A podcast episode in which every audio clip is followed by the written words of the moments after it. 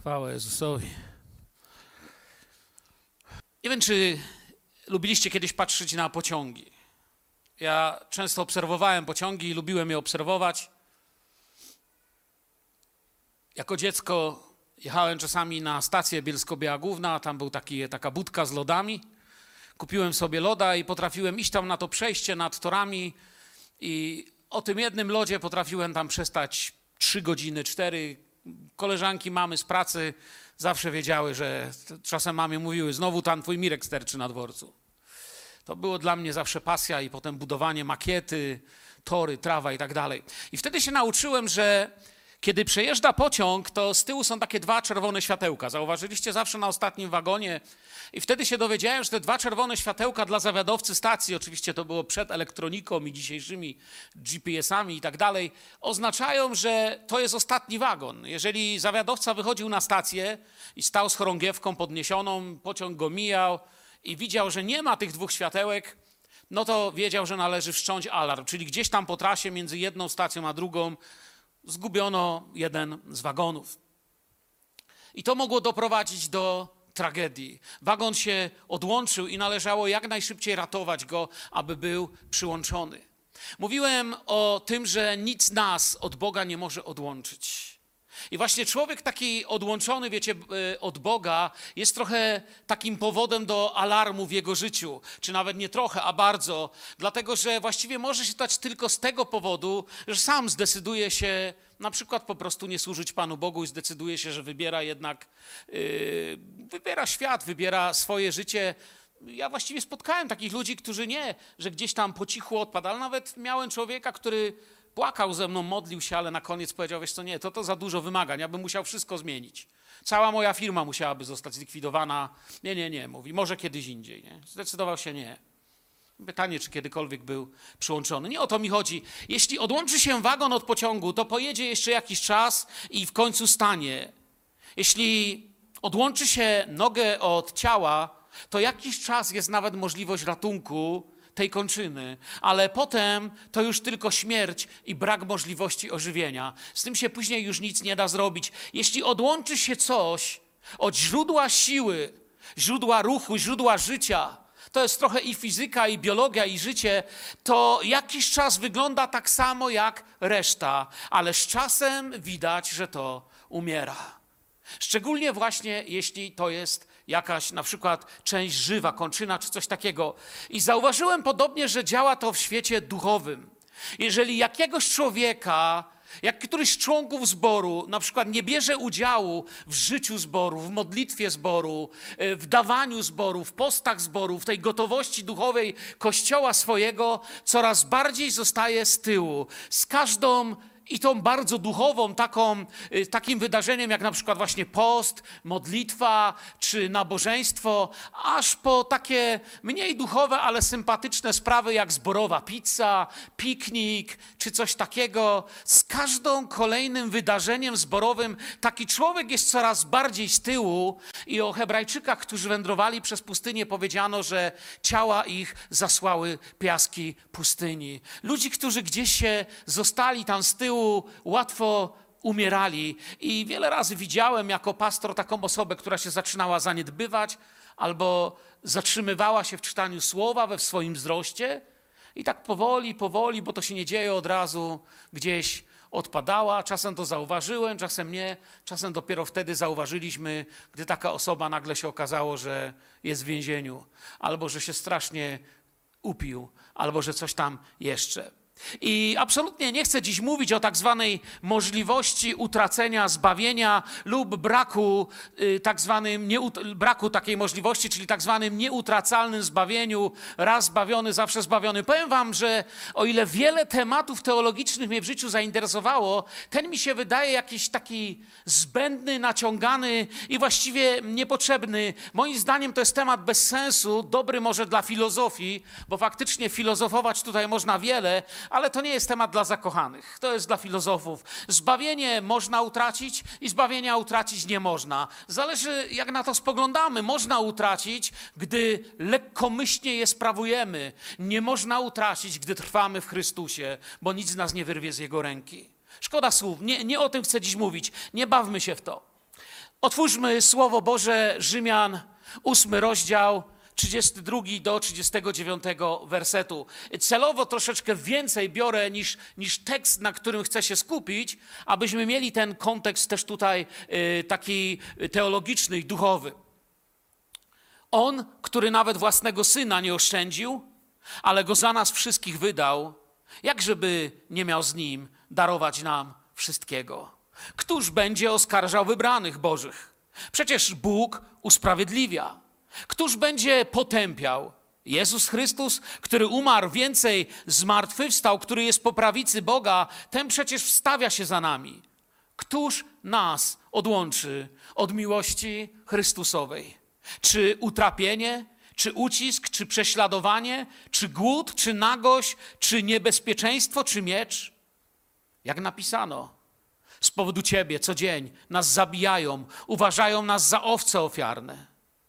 Ale w tym wszystkim zwyciężamy przez tego, który nas umiłował. Albowiem jestem tego pewien, że ani śmierć, ani życie, ani aniołowie, ani potęgi niebieskie, ani teraźniejszość, ani przyszłość, ani moce, ani wysokość, ani głębokość, ani żadne inne stworzenie nie zdoła nas odłączyć od miłości Bożej, która jest w Chrystusie Jezusie, Panu naszym. Chwała Jezusowi. Same w sobie wersety już są wow. Patrzcie w to słowo, zostańcie z tym słowem, jeśli się da, niech pozostanie też wyświetlone, dlatego że chciałbym mu się tak troszkę przyjrzeć. Ten przepiękne, to przepiękne przesłanie, ten komentarz Pawła do zniewolenia strachem, że coś się nam może przydarzyć, ten, ta uwalniająca prawda tego słowa, któż będzie oskarżał, któż będzie potępiał, któż nas odłączy. I mówi tu do wybranych w Chrystusie. Nie ma dla nich oskarżenia, bo my wiemy już, że nie ma też żadnego potępienia dla tych, którzy są w Chrystusie i nikt nas nie odłączy. Ten Rzymian 8 wprowadza nas w takie praktyczne, duchowe życie. Ten 32 werset, zobaczcie, mówi nam, jaka jest nasza wartość i gdzie ona jest ukryta w Jezusie Chrystusie. To jest Twoja wartość. Oto, kim jesteś w Jezusie Chrystusie. Bóg dał nie czyjegoś syna, nie jakąś tam ofiarę ze zwierzęcia, które tylko były praobrazami, czy zapowiedzią tej ofiary, o której tutaj mówi. Bóg dał jakiego syna? To jest bardzo mocne słowo tutaj. Własnego. To jest dokładnie to samo, dokładnie to samo, co umiłowanego. Bóg dał własnego syna. Z nim Bóg daruje nam wszystko. Bóg widzi Jezusa, nie nasze smutne miny. My czasami myślimy, że kiedy się modlimy, to trzeba się tak długo modlić o coś, o uzdrowienie czy jakąś wolność, aż Pan Bóg się wzruszy. Żal mu się zrobi tej naszej buźki krzywej, tego, że na, ta, ta, ta, tacy jesteśmy biedni i Bogu się żal robi i, zrobi, i, i coś zrobi dla nas. Chcę Wam powiedzieć, wszystko, co Bóg czyni, czyni przez pryzmat, widząc nas w Chrystusie, czyni dla dzieci Bożych. Bóg Cię błogosławi w Chrystusie. W Chrystusie Jezusie jest dla Ciebie każde uzdrowienie, każde błogosławieństwo, każde uwolnienie, i to duchowe, i to z różnego rodzaju chorób i innych rzeczy, które Bóg dla Ciebie przewidział. Nie trzeba nie wiadomo jak na Bogu wymuszać, udawać, burczeć jak jakaś zepsuta pralka, wymuszać coś albo nie wiadomo co robić. Masz to w Jezusie Chrystusie, jest dla Ciebie. I On na Ciebie patrzy przez własnego Syna, którego dał. Werset 33 mówi, że nie ma też oskarżyciela, bo, bo obrońca jest za duży. My wiemy, że słowo szatan oznacza oskarżyciel, że diabeł jest oskarżycielem braci. Ale Bóg, przewidując nasz być może sposób myślenia, mówi, ale jego też tutaj nie ma. Tylko śmigło i go nie ma. Tyle tylko że sam Bóg usprawiedliwia, a więc jak jakikolwiek oskarżyciel mógłby stanąć? Bóg jest tu, jest tym, który zapłacił, jest tym, który reprezentuje stronę, e, który reprezentuje cię jako obrońca, jest tym, który prowadzi trybunał, jest tym, który wydał wyrok. Kto w Chrystusie nowym jest stworzeniem, kto w Chrystusie ma życie wieczne. I 34 werset, nie ma wyroku, bo już się wszystko wykonało. Znowu to mówię, Bóg patrzy na mnie i na ciebie i co widzi? Widzi Jezusa, widzi nas w Chrystusie. Paweł raz na zawsze chce, byśmy to zrozumieli, byś, byśmy to pojęli. Bóg z nami, Bóg z nami, nie dlatego z nami, że wiecie, czasami politycy czy jacyś przywódcy, nawet Hitler mówił, że Bóg jest z nim. Nie, oni myśleli, że Bóg jest z nimi, bo se coś wymyślili i w to Boga włączyli. Bóg jest ze mną, bo ja przyjąłem Bożą ofertę łaski. Bo ja stałem się z nim, ja przyszedłem do niego i poprosiłem, aby on wziął moje życie. Tylko dlatego jest ze mną. Nie ma we mnie nic szczególnego, co by miało sprawiać, że Pan Bóg miałby być ze mną, z kimś takim jak ja. Jedyne, co to sprawia, to jest mój Jezus, mój Pan, największy skarb mojego życia. I tu są cztery ważne fakty podane. Zobaczcie, wpatrujcie się w to słowo. Cztery fakty o Jezusie, które tutaj On dokonał i dlatego nie ma przeciwko Tobie oskarżenia, nie ma przeciwko Tobie potępienia i nikt Cię nie odłączy. Cztery fakty. Po pierwsze, Jezus za nas umarł. Po drugie, Jezus w mocy i chwale trzeciego dnia zmartwychwstał. I tutaj to pisze, widzicie to tu w Rzymian. Po czwarte, wiemy, gdzie jest, gdzie jest nasz Pan, Król Królów i Pan Panów. Zasiada po prawicy Boga i to tam mamy i wstawia się za nami. Widzicie, to jest to słowo nam objawia. Jesteście w takiej pozycji w Jezusie Chrystusie. To jest super pozycja w drugi dzień tygodnia modlitwy, aby się modlić, abyś był pewny, że jeśli wyznajecie grzechy swoje Bogu, Bóg jest wierny, masz do Niego dostęp. To jest Twoja rzeczywistość w Jezusie Chrystusie. Prorok Izajasz już to ogłosił innymi słowami. Mówił, że bliski jest ten, który mi przyzna słuszność. Więc kto ośmieli się spierać, mówił Izajasz. Stańmy razem do rozprawy, proponował prorok Izajasz. Nie, nie czytam tego, nie, nie, nie, nie, nie przygotowałem tego wersetu. Tak go mówię, bo, bo, bo prorok powiedział: Stańmy do rozprawy. Kto chce się ze mną prawować, niech się zbliży do mnie. Podoba mi się, jak Izajasz to mówi. Oto wszechmocny Pan, powiedział Izajasz, pomaga mi, kto mnie potępi. I mówi, że wszyscy oskarżyciele zwiotczeją. To jest to, co Izajasz mówi. Y, To jest 50 werset Izajasz, 50 rozdział Izajasza. Ale wracamy do naszego do listu do Rzymian tutaj. 35 werset, zobaczcie. I tu, tu wchodzimy w to, w to przesłanie dzisiejsze. Któż nas oddzieli od miłości Chrystusowej? Oskarżenie? Potępienie? Nie, nie ma przeciwko tobie oskarżyciela. Nie ma cię kto potępić, bo Bóg cię widzi w Chrystusie. Tak, taki mają cel oskarżyciele i potępienie. Ale kto może, gdy jesteś w Chrystusie? Wiesz, co to znaczy, że jesteś w Chrystusie? Nie wiem, to, to, to jest tak jak, yy, nie wiem, cukierek w papierku. Tu zawsze brat nam daje cukierki. Dostajemy cukierek w papierku. Żeby się dostać do papierka, musisz dotknąć, i do cukierka musisz dotknąć papierka, papierek. Żeby wyciągnąć coś ze słoika, musisz najpierw dotknąć słoik. Żeby, nie wiem, zranić kogoś, kto ma pancerz, trzeba najpierw uderzyć w pancerz. O. Żeby dotknąć ciebie, jesteś Bożym dzieckiem w Jezusie Chrystusie. Każde zło najpierw musi zetknąć się z Twoim Panem, z tym, w którym jest ukryte Twoje życie. W Jezusie Chrystusie, Twoim Panu. I Paweł do nas nie mówi tu w tym wersecie, nie mówi absolutnie, uwaga, można wam zrobić takie rzeczy, słuchajcie, rybiata, można wam takie rzeczy zrobić, że ktoś was może od Pana Boga oddzielić. Nie, nie, nie, nie. Nie, takich rzeczy, chcę wam powiedzieć, zrobić nam nie można. Nie ma na tym świecie fizycznie człowieka, o jakiejkolwiek, y, nie wiem, by był władzy, jaką by miał władzę, czy majątek, czy, czy pozycję, nie ma człowieka, nie ma czegokolwiek, co mogłoby nam coś takiego zrobić. Nie zrobi tego ani więzienie, ani żaden ból, ani łzy, nic. Tylko Biblia mówi, że grzech oddziela, a tego nie można mi zrobić. Przyznacie, że nie ma takiego kogoś, kto może mi zrobić grzech. Grzechu twojego nikt nie może zrobić. Jedyny, kto twój grzech może zrobić, to jestem ja, to ty. Ktoś za mnie mojego grzechu zrobić nie może. Może grzeszyć ile chce, ale nie wiem, może próbować mnie w to wciągnąć, ale zgrzeszyć muszę ja. Biblia mówi, żadna kaźń, żadne więzienie, żadne prześladowanie, nic nie oddziela nas od Boga. Biblia mówi, grzech oddziela od Boga. To jest decyzja człowieka, który decyduje, że bardziej mu się to podoba. Stąd Słowo Boże tak nas wzywa do wyznawania grzechu, do pracowania nad sobą, do uświęcania się, czyli innymi słowami upodobniania się do Jezusa, pracować nad sobą. To jest to, co można, y, widzicie, zrobić ciału. To jest werset 35. Ukazuje te czynniki świeckie.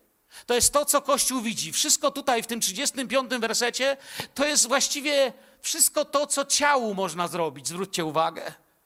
Więcej wam powiem. Jeśli się dokładnie w to wpatrzycie, co tutaj pisze, to jest właściwie krok po kroku. To są kroki od początku prześladowania Kościoła do wyroku. Każda z tych rzeczy może zasiąść wątpliwości w sercu słabego człowieka, w moim, Twoim, ale wtedy nas posila modlitwa braci, daje nam Duch Święty posilenie. Jeśli trwamy w Słowie, Bóg da nam Słowo. Zobaczcie, utrapienie. Od tego się zawsze zaczyna. Utrapienie. Trapią się wierzący. Ucisk.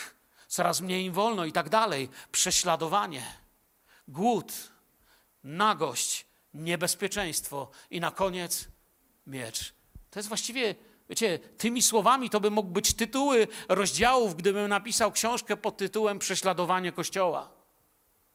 To właściwie są tytuły. Codziennie zabijani chrześcijanie. I dziś, a i wtedy, kiedy był ten list pisany wczesnego kościoła, wygrywali bitwę o wieczność, wygrywali przez tego, który umiłował. Jego miłość nie jest historią, jego miłość jest teraźniejszością. Zaraz wam to pokażę, przypomnę wam, bo kiedyś pokazywałem w słowie. Ona jest jak taka, jaki On jest, to w Jego miłości jesteśmy tu i teraz, nie kiedyś, nie od jutra, nie dawno temu, tu i teraz. Boża miłość mnie otacza. Dziś jestem dzieckiem Bożym. Przekonany, że nic nas nie oddzieli na świecie od Jezusa. Nagle apostoł tworzy coś bardzo, bardzo dziwnego, jeśli chodzi o, o ten list tutaj. Bo nagle mamy werset, który może nas zadziwić. Cytuję Psalm 44. Ale z powodu Ciebie codziennie nas zabijają. Uważają nas za owce ofiarne. Proroczy psalm. Psalm skargi, psalm proroctwa. Psalm skargi, bo jest to psalm rozpaczy, psalm płaczu, doświadczenie samotności i wygnania Bożego ludu, który nie był posłuszny Bogu i został wypędzony. Jeśli się przyjrzecie, te wszystkie rzeczy, które tam pisze, że co z nas oddzieli w poprzednim wersecie, co czytałem, co dotyczy ciała, ucisk, prześladowanie i tak dalej, to są też wszystkie rzeczy, które Mojżesz zapowiadał y, w Księdze Kapłańskiej, w Księdze Powtórzonego Prawa, że spadną na tych, którzy nie przestrzegają Bożych przykazań. I ten psalm powstał w okolicznościach rozpaczy Izraela, którym modlił się. My wiemy, że Bóg dawał im wielokrotnie odnowę, tak jak nam daje. Nie jest łatwo tu na ziemi. Pokutujemy, idziemy, zbieramy się, ale Paweł mówi: Jeśli jesteś w Chrystusie, nic cię nie odłączy i wymienia te wszystkie rzeczy, które można mi wziąć. Można uciskać, prześladować mój dom. Można ciebie i mnie związać. Można nas pobić. Można nas obedrzeć szat, zamknąć do więzienia i zaprowadzić na kaźń. To wszystko można, ale Paweł mówi tego, to mogą zrobić dyktatorzy czy antychryści, ale Paweł mówi, to się nie stanie ale jakby dalej sięga jeszcze dalej, bo, bo ludzki strach i, i to, co chciał wytłumaczyć Kościołowi, mogłoby sięgać dalej, nawet poza, poza to życie, ale, ale co potem? A co potem? Wtedy ktoś może powiedzieć, no dobrze, a, a, tym bardziej duchowo, jeśli tak ciężko może być fizycznie, to co będzie duchowo? Nie, właśnie tu prześladował was świat, bo nie byliście z niego, powiedziałby im Pan Jezus. Tak to mówił do swoich uczniów. Tak jak prześladowali mnie, tak was będą prześladować. Ale tam, tam już nie ma w ogóle nad wami prześladowcy. Tam, w tych rzeczach, które wam się wydają większe niż te do tej pory wymienione, które na pewno was od Boga oddzielić nie mogą, to te jeszcze większe tym bardziej nie mogą, bo tam już ja jestem z wami. Dane jest człowiekowi umrzeć, a potem sąd mówi Słowo Boże. Ja wiem, że kiedy stąd odejdziemy, ujrzymy Go i będziemy z Panem. Ale tam nie ma już możliwości, tam jest pewniej niż jest tu, bo tu można mnie wystraszyć, tu można mnie poniżyć, tu można mnie pobić, tu można zrobić różne rzeczy, których będę potrzebował ogromnej, ogromnej Bożej łaski, aby wystać. Próbę, którą niektórzy na różne sposoby przechodzili i będą przechodzić. Ale tam nie ma już możliwości. Jest pewniej niż tu. Tu się kończy mężczyńska droga, a tam się zaczyna chwalebna droga. Pamiętamy, on w 37 wersecie mówił, że w tym wszystkim zwyciężamy przez tego, który nas umiłował. Po mieczu, ciało, moja cielesność po mieczu nie jest już problemem. Kiedy chrześcijanina ścieli, padał. Pamiętam, gdzie czytałem o kaźni Pawła. To świadkowie, co oczywiście nie ma w dziejach apostolskich, tylko tradycja historii Kościoła to przekazuje, że świadkowie powiadają, że Paweł nawet nie chciał mieć oczu zawiązanych, że spojrzał na jednego z Rzymian, który miał go ścinać i powiedział: Mi ciebie żal, ja się nie boję, ty się boisz bardziej niż ja, dlatego że ty musisz mnie ściąć i musisz dalej żyć. A kiedy mnie zetniesz, jeszcze moja krew nie zdąży wsiąknąć w tą ziemię, a ja już będę z tym, którego kochałem całe życie. Podoba mi się ta historia. Po mieczu ciało nie jest już problemem, ale tu mamy światło od Boga jeszcze dalej. Rzeczy większe, które zdawałoby się, a co, co tutaj? 38, 39 werset zabiera nas na duchowe głębiny naprawdę, gdzie wydawałoby się, że jesteśmy jak płatek śniegu, jak drobinka na wietrze, jeżeli nie mamy biblijnych przekonań co do tego, jaka będzie wieczność.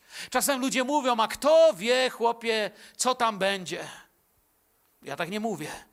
Wielu męczenników za wiarę było przeklinanych pochowanych za płotem lub spalonych. Nakładano na nich jakieś klątwy. Mówiono im, że jak nie wyprzesz się czytania tego słowa i, i, chodzenia po ludziach. Pamiętam, jak czytałem o jednym z nich, to powiedział do tych, którzy go prześladowali. On powiedział, ile tylko czasu mi starczy, to wiem jedno, zanim mnie za zabijecie, cała moja wieś będzie czytać Biblię. I wyklinano ich kładli na nich ekskomunikę, różnego rodzaju przekleństwa, klątwy. Mówiono im, że, wiecie, jak do Buniana mówili, jeśli nie pocałujesz tego krucyfiksa, to skończysz jako męczennik. Tam na dworze jest pogoda, śpiewają ptaszki, a ty tu siedzisz we własnych ekstrementach, w własnej celi, gdzie nie możesz nawet usiąść. Ale oni wiedzieli, że coś tam jest. Czasem właśnie tak ludzie mówią ze świata, że tam nic nie ma. Oni wiedzieli, że coś tam jest i byli pewni, co to jest. Wiedzieli, kto im dał obietnicę. Paweł mówi: Ja wiem, komu uwierzyłem. Czasem ludzie mówią: A kto wie, kto wie? Chcę powiedzieć jasno: my jako Kościół wiemy, amen. Ja wiem, co tam jest. Wiem, widzę, w jakich czasach żyję. Tym bardziej pragnę, aby przekonanie o tym, co tam dla Ciebie i dla mnie jest, było w nas. My wiemy. Apostoł mówi: albowiem, albowiem Przypuszczam tak na 30%, że nic nas nie odłączy. Tak macie tak w swojej Biblii? No weźcie się postawcie, herezję głoszą, a wy nic. Właśnie. Paweł nie pisze, albowiem na 30%, albowiem jestem tego pewien. Jestem tego pewien. Ja jestem tego pewien. Tu już jest zwycięstwo i pewność. Śmierć, życie, choćbyś i umarł, Jezus mówi. Choćbyś i umarł, to żyć będzie. A Paweł mówi, że jego życiem jest Jezus. Żyje nie ja, lecz żyje we mnie Chrystus. Dlatego ani śmierć, ani życie nie może. Istoty duchowe, aniołowie, potęgi niebieskie. Wielu teologów do dziś się zastanawia, o co chodzi. Ogólnie Zgoda jest, że chodzi o raczej złe duchowe byty, dlatego że dobre czemu miałyby tego chcieć? Nieważne, nie ma takiego giganta duchowego, który odłączyłby ciebie od Jezusa. Możesz z pewnością, z uśmiechem wejść w tą granicę, za którą już zło, prześladowanie i kat nie mogą za tobą pobiec. Każdy z nas dojdzie do tego miejsca. Wielu wśród nas było ludzi, którzy tu siedzieli na tych fotelach, już ich nie ma. Wielu z nas było na ich pogrzebie. Wielu z nas słuchało kazania nad celą, na, na, na, nad, nad grobem, przepraszam. Celam, do więzienia chodziłem i celam się. Wielu z nas słuchało tego kazania nad grobem, ale ja wiem jedno. I często wtedy powtarzałem to. Tu się nie mówi żegnaj, tu się mówi do widzenia. My się nie rozstajemy na zawsze. Nic nas nie oddzieli. Jesteśmy w nim tu i będziemy tam. Moce nie mają mocy. Czas i przestrzeń nie mają znaczenia. Zobaczcie, to jest to, co tu pisze. Ja wam to czytam tylko innymi słowami. Nieważne gdzie, nieważne co, nieważne kiedy, Pan jest mą siłą i zbawieniem. Jan w 16 rozdziale, 33 werset mówi do nas: To powiedziałem wam, abyście we mnie pokój mieli. Na świecie ucisk mieć będziecie, ale ufajcie, ja zwyciężyłem świat. Nic was nie wyrwie, nikt was nie oddzieli, nie da się wam tego zabrać. Świadomość obecności Boga, żywego Jezusa, nawet w ucisku. Wiecie, bo najczęstszą przyczyną poczucia oddzielenia od Boga, ktoś by powiedział, no ja przecież wiem, że nic nas nie oddzieli. To posiedź kiedyś w biurze pastora, to zobaczysz, z czym przychodzą ludzie. Pastorzy wiedzą. Bracie, przychodzę do ciebie. Ja tych ludzi traktuję poważnie. Mówią mi, czuję, że Bóg mnie już nie kocha tak jak kiedyś. Albo czuję, że Bóg już nie ma dla mnie tych rzeczy, co kiedyś. Na różny sposób próbują mi powiedzieć, że Pan Bóg zrobił coś, że czują się gorzej. Jest dobrze, jeżeli dadzą się przekonać, że prawdopodobnie zrobili coś i nie przepracowali coś, co sprawia, że oni czują się gorzej. Najczęstszą przyczyną poczucia oddzielenia od Boga jest poczucie grzechu. Gdy nasze sumienie nie da się uciszyć i próbujemy sobie powiedzieć, że może Bóg już nas tak nie kocha, nie. Przejrzyj swoje serce, nie słuchaj swoich emocji. Jesteś człowiekiem wiary, a nie człowiekiem emocji. Albo drugi problem to jest poleganie na uczuciach, kiedy zamiast słowa i prawdy wierzymy w to, co czujemy. Co znaczy, nie czuję już, że Bóg mnie kocha? Wiele razy słyszałem, jak ludzie to mówią. Pamiętam, że jeden z takich przyjaciół moich, który mi to powiedział, wiesz, tak czuję, jak gdyby Boża miłość nie była do mnie już tak ogromna, jak była kiedyś. Ja mówię, wiesz co, opierasz się na uczuciach i pamiętam, jak nie wiem skąd mi to wtedy przyszło do głowy, powiedziałem, wiesz co, nie wiem jak się czuli w Koloseum chrześcijanie, których mordowano. Nie jestem pewny, czy czuli w tym momencie, że Bóg ich kocha. Ja myślę, że oni wierzyli w tym momencie we wszystko, co Pan powiedział. To, co czuli, to było straszne, to, co czuli. Bo kiedy człowiek jest wkładany do ognia, rozdzierany przez lwy, poniewierany, torturowany, rozdzierany hakami, tak jak Rzymianie robili, że jego mięśnie są wypruwane hakami żelaznymi na zewnątrz, to ja nie myślę, że czuję coś w sensie, że czuję się tak fajnie. Oni cierpieli, oni krzyczeli, ale ich wiara była większa, nie wypierali się swojej wiary pomimo swojego bólu. My nie trzymamy się opowieści o Jezusie, który kiedyś żył. My wierzymy w Ewangelię o Panu, który jest z nami tutaj i dzisiaj. Wierzycie to? Przypomnę kawałek kazania teraz, które mówiłem dwa lata temu w czasie naszej sesji postu i modlitwy. Czytałem wtedy z takiego fragmentu, który znów przeczytam. 1 Koryntian 15, 3, 5. Nie wiem, czy to pamiętacie. Najpierw bowiem podałem wam to, co i ja przejąłem, że Chrystus umarł za grzechy nasze według pism i że został pogrzebany i że dnia trzeciego został z martwych zbudzony według pism i że ukazał się Kefasowi, potem dwunastu. Zwróćcie uwagę na cały ten werset. Umarł, czy to jest prawda? Został pogrzebany. Czy wierzycie w to? A wierzycie, że ukazał się Kefasowi?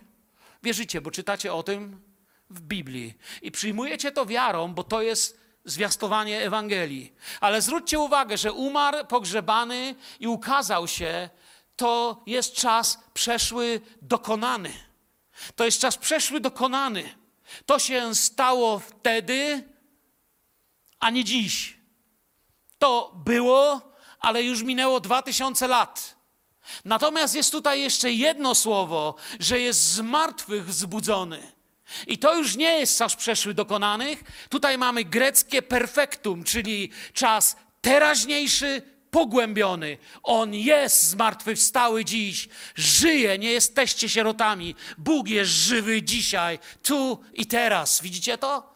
On jest żywy tu i teraz. Te rzeczy, które chciałyby nas oddzielić, one przemijają, ale On jest, On jest, On jest wczoraj, dziś ten sam i na wieki. Innymi słowami, to, co nas trzyma, to jest Jego miłość, Jego życie. My przemijamy, On nie przemija i będziemy z Nim.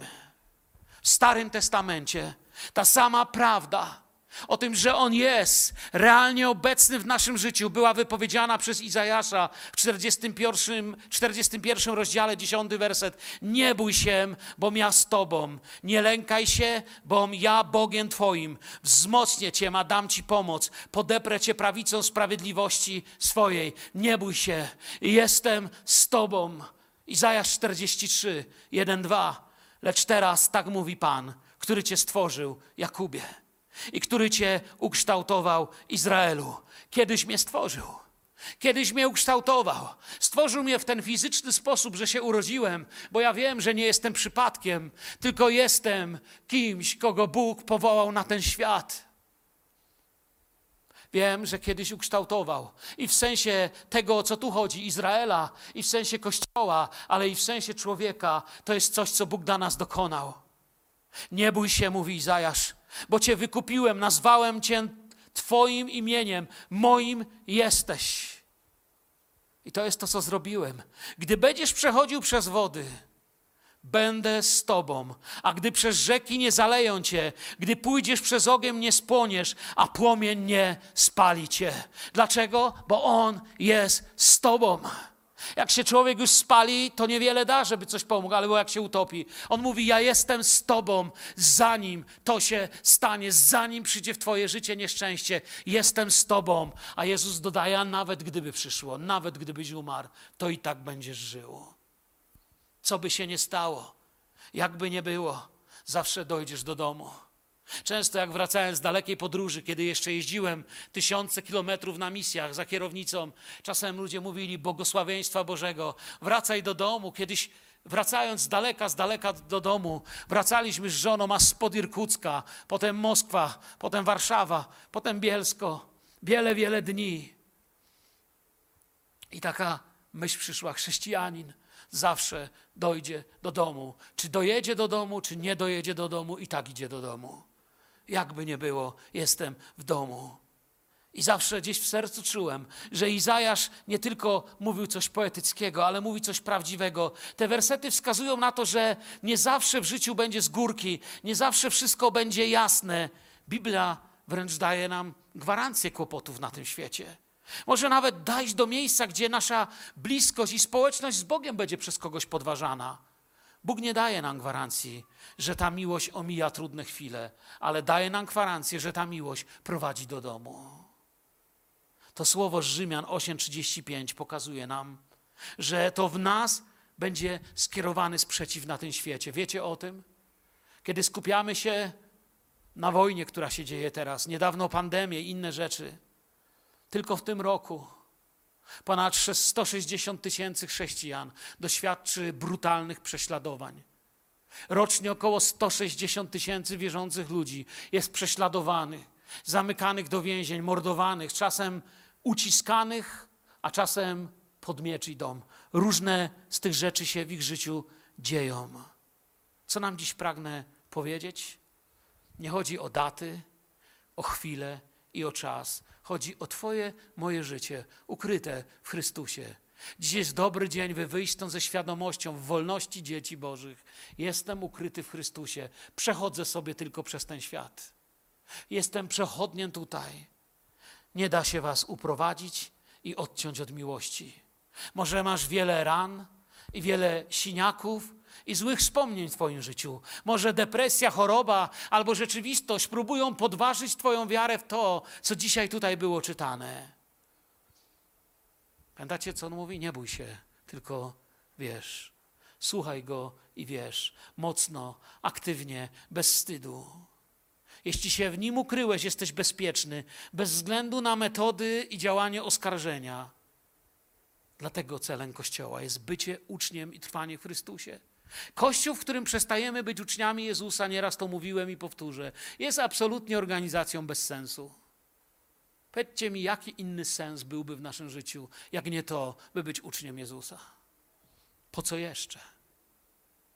W arce łaski, która jest otwarta, ciągle można wołać innych i można się schronić. Jest jedna droga do tej arki. Przez Syna Bożego wchodzimy do zbawienia.